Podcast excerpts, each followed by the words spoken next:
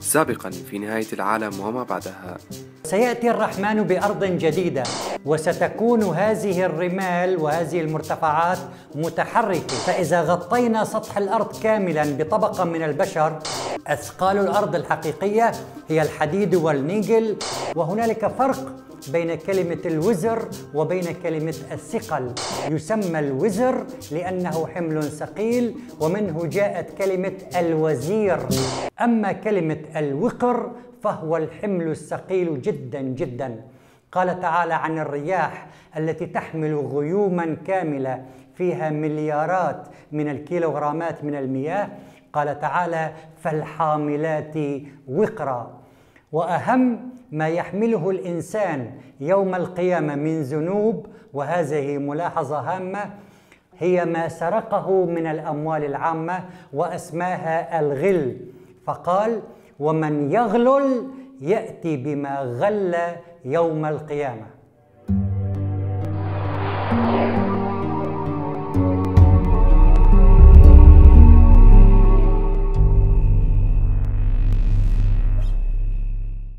وسيكون الناس في يوم الحساب قسمين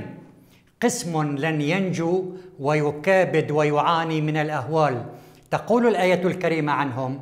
ونحشرهم يوم القيامه على وجوههم عميا وبكما وصما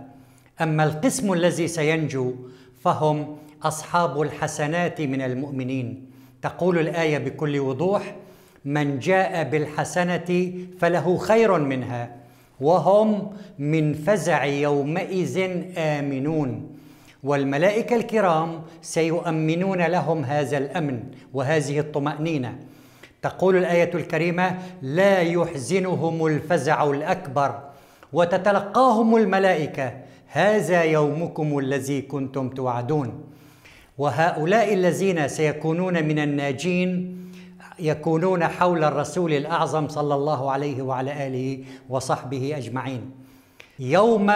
لا يخزي الله النبي والذين امنوا معه، نورهم يسعى بين ايديهم وبايمانهم.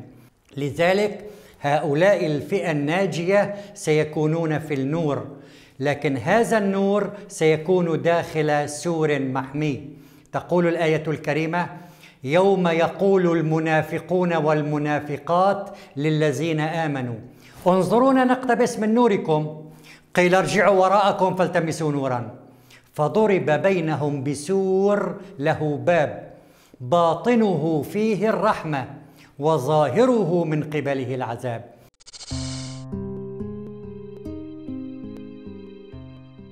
وهذا العسر وهذا الخوف له مراتب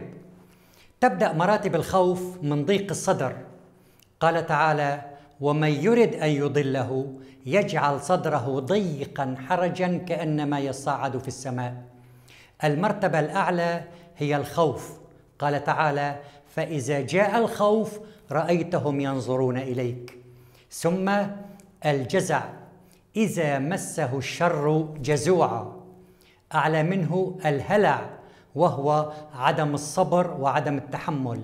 قال تعالى ان الانسان خلق هلوعا ثم ياتي الرعب قال تعالى وقذف في قلوبهم الرعب ثم ياتي الفزع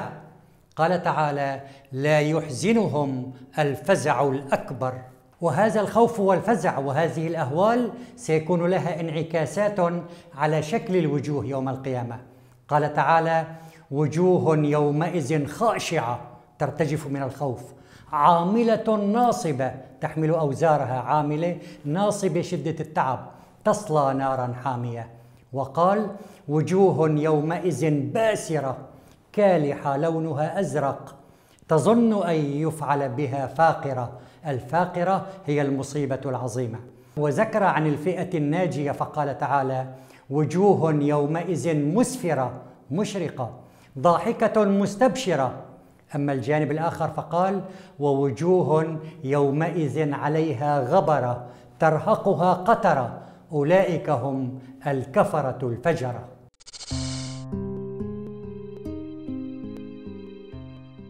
فالمشهد العام للناس في ذلك اليوم هو الصمت السائد بكل الموقف قال تعالى وخشعت الاصوات للرحمن فلا تسمع إلا همسا ليس هنالك هرج ومرج وجدل ثم بشكل فجائي تقول الآية الكريمة وأشرقت الأرض بنور ربها ووضع الكتاب سوف يتم توزيع الصحف من الأعلى فوق الناس ويحمل عرش ربك فوقهم يومئذ ثمانية هنالك احتمالين إما أن يأخذ الإنسان كتابه بيمينه أو أن يأخذ كتابه بشماله لكن هنالك مشهد طريف اوردته الايه الكريمه كل انسان يشعر بالذنب او انه كافر يحاول ان يخفي يده الشمال وراء ظهره ويمد يده اليمين فقط للملائكه الكرام لكي يترك لهم احتمالا واحدا هو ان ياخذ كتابه بيمينه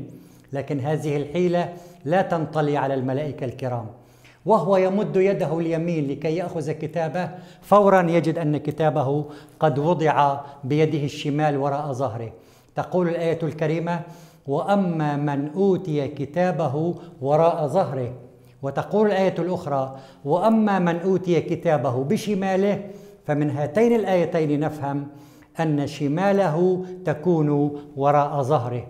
أما كل إنسان سيأخذ كتابه بيده اليمين فيقول هاؤم اقرأوا كتابيه إني ظننت أني ملاق حسابيه وظننت لا تعني هنا الشك هذه كلمة ظن تعطي معنى اليقين ورأى المجرمون النار فظنوا أنهم مواقعها أي تأكدوا لذلك يقول إني ظننت أني ملاق حسابيه أي كنت متأكدا من يوم الحساب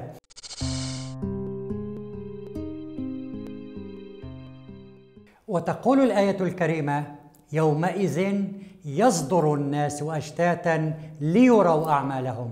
والرؤية تكون بالصوت والصورة فربما تكون الكتب يوم القيامة والله أعلم أنها ستكون بالصوت والصورة ليروا أعمالهم ويقولون يا ويلتنا ما لهذا الكتاب لا يغادر صغيرة ولا كبيرة إلا أحصاها والإحصاء يختلف عن العد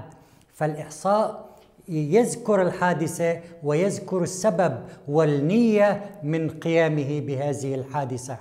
ليس فقط أقول عملت عملت السبب الفلاني لكن الله يذكر الحادثة ويذكر النية التي كنت أقصدها من هذه الحادثة وليس الظاهر فقط لذلك جاءت الآية أحصاه الله ونسوه فالله يحصي ولا يعدد الأعمال فقط لذلك قال تعالى علمت علمت وليس رأت فقط علمت نفس